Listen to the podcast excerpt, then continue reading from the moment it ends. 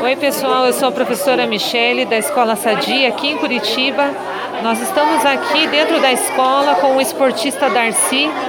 Ele é um exemplo de vida, de superação, pois, mesmo não tendo pernas e braços, pratica esportes, já ganhou várias medalhas. E eu estou aqui com os meus jornalistas mirins, Diogo, Marcelo e Isabelle.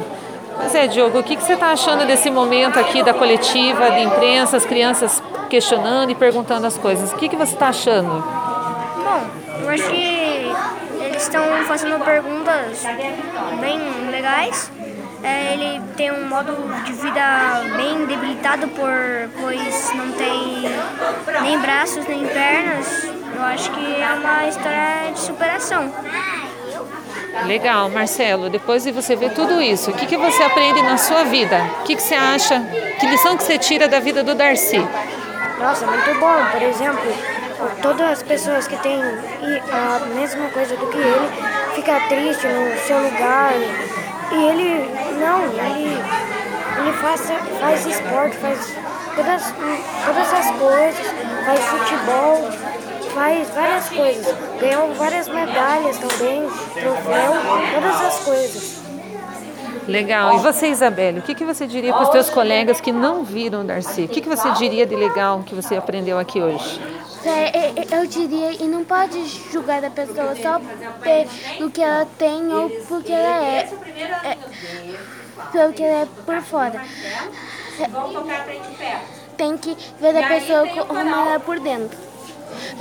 Ele pode ser sem braço, sem perna, a experiência é uma ótima pessoa.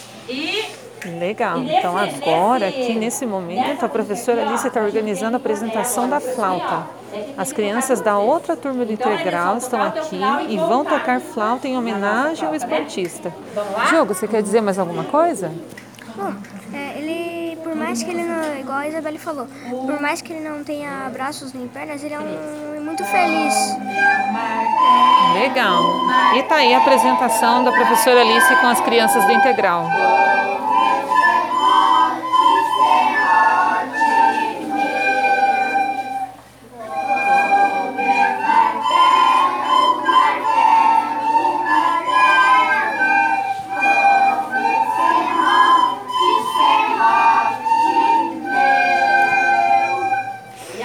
Com isso eu encerro a nossa gravação das nossas notícias da escola.